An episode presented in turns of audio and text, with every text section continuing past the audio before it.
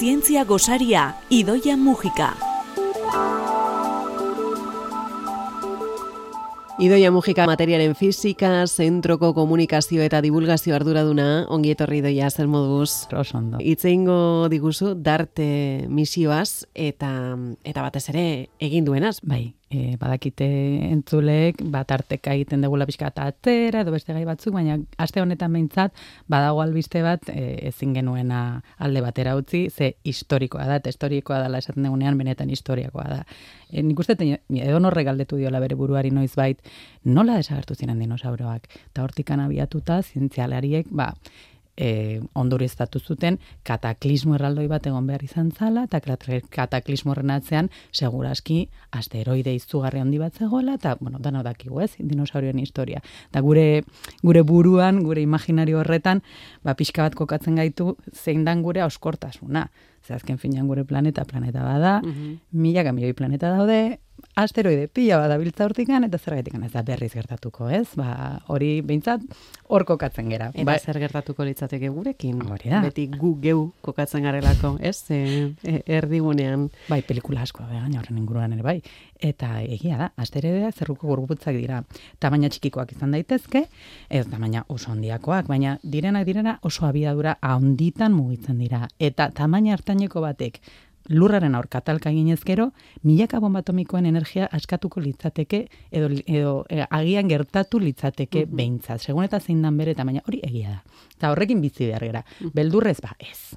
Normala da bezala, ez. Ja, gaina ikusten dituelako eta badakigu gaur egun bat bera ere ez dagoela gertu guri gure gure kintalka egiteko prest. Mm esango genuke orduan, horiek izan zirela e, lehen da biziko urratsak edo pausuak e, benetako inpaktu edo talka bati aurre nola egin prestatzen hasteko. Hori da, hortikan abiatuta azkenean galdera da zeruko gorputz bat bere ibilbide naturaletik desbideratzeko aukera eukiko genuke, edo bertan bera deusesteko bomba atomiko batekin, edo, bueno, ba, pelikulek esaten digutena, eh? zientzia fikzioa azkenean, zientzia bihurtu daiteke. Ta galdera horri erantzuteko, ja duela, ba, marr urte, mar, hogei urte barkatu, bimia hogeita batean, zientzialariak hasi ziren hain zuzen ere hori, hori lantzen al izango algenuke asteroide hori aurreikusi zerbaitekin jo eta bere bidea, bere ibilbidea aldatu.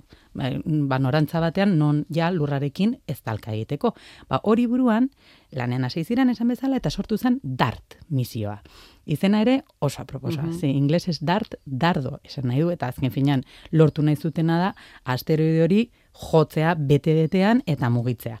E, aurretik esango dizuet ja misioa arrakastatua izan dela, jo dala, baina ez dala jo gure kontra zetorren asteroide bat aufroga bada, oso kontrolpean eginda baldintza guztietan, eta diseinua, ba, hogei urteko diseinu bat, imaginatuko dezuen bezala, bat dana begiratu da xetasunez, eta 2008 bateko azaroan, hori izan zan joan den urtean, nasak ja espaziontzi txiki bat jarri zuen e, bota zuen, E, txikia esaten detenean, benetan txikia da, bosteun kilo pixatzen zituen, imaginatu behar dezue, ba, kotxe txiki bat bezala e, espazioaratu izan bagenu bezala, eta ja jarri zuten, ba, ibilbide horretan, ez? E, zuzendu zuten, didimos izeneko e, asteroide sistema bitar batetara. Ta didimos e, inguruan, ba, hor bi asteroide daude, dimorfos ilargi txikia jotzea zuen helburu. 2000 hogeita batean aterazan kotxetxo hori edo satelite hori, ba helburu zuela hori dimorfos, e, dimorfos, dimorfosera hurbildu eta albazan arekin talka egitera. Mm Vale, urte bete pasada eta aurreko asteburuan gerturatu ziren eta ja astelenean aurreratu diguzu. Bai, spoiler. Baina bueno, albisteak ikusi dituzu edo pixka bat zientzian saltzeatua ez dute ikusiko ez bestela sartu zaitezte Twitterren jarri dart, kriston bideo politak daude, mm kriston, ba, claro, gaur egun, ba, teleskopio guztiak jarri dira mm. horri begira, e, dauzkagu irudi historikoak denolakoa izan daiteken ba hori lortzea, eh? Ez du izan e, nola nahiko erronka e, dartek. Ba. Arroka hori e, espazioan mugitzea. Bai, bai, pentsazazue dimorfos, ba, hor oso urruti dagoen e, asteroide badala, oso urruti danean amaika milioi kilometrora dago, mm orduan dardo hori bideratu behar genuen horrera gure diana hor zegoen, gaina dianatxo hori mugitu egiten da. Laro laro gehieta bi mila kilometro orduko. Hori, kilometro segunduko esaten baizuet, igual errexago ikusten dezuen zenbakita, zenbakia da. Hogeita iru kilometro segunduko. Horrek esan nahi du, Pentsa. segundu bat, Mhm. tolosan nago. Segundu bat, gazteizen nago. Bueno, ez dakit, osea, ba, hogeita iru kilometro segundu bakoitzeko. Orduan gure diana hori zan. Gaina, eunda irurogei metroko diametroa dauka, ez da oso handia. Diana txikia, oso urrutei eta mugimenduan.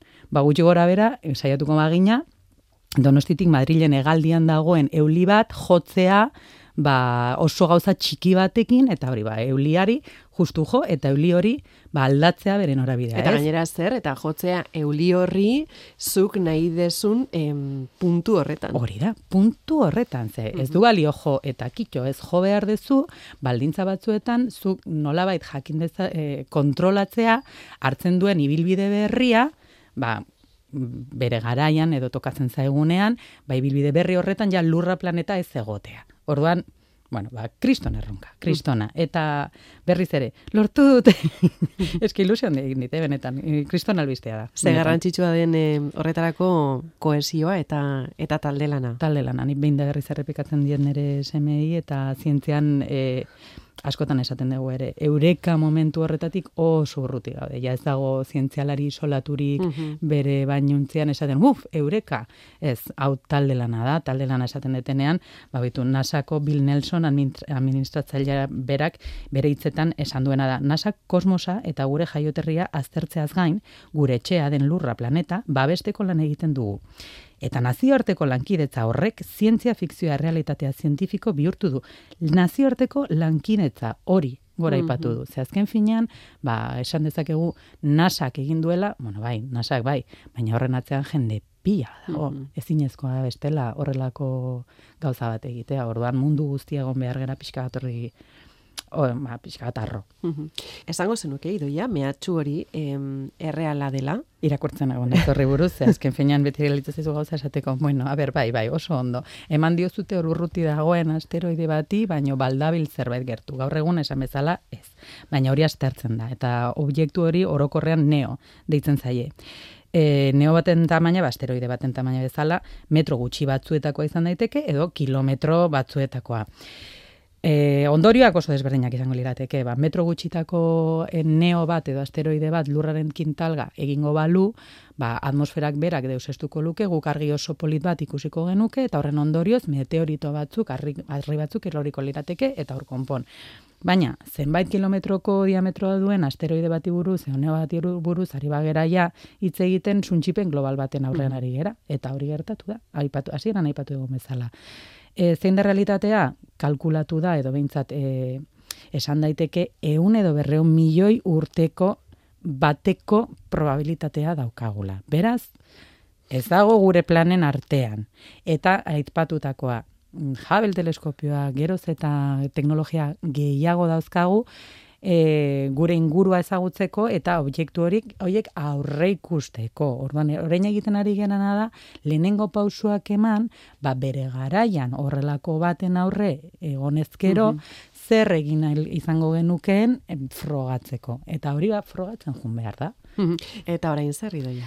Ba, orain, e, lehenengo datua izan da, eta benetan gonbidatze zaituzte bilatzea jarri YouTubeen, jarri Googleen tart, eta begiratu bideoiek, ze oso polita da ikusteak e, hurbiltzen ari dala, eta lehenengo aldiz ikusten dugu benetan asteroidea nolakoa zan, eta, ze, karo, ez genekien, oso urruti zegoen, eta irudiak daude, eta bapatean, pum, kamera gorria jartzen da, horrek esan nahi du, talka egin diola, eta puskatu da la kamera, zala justu, hain nahi genuena.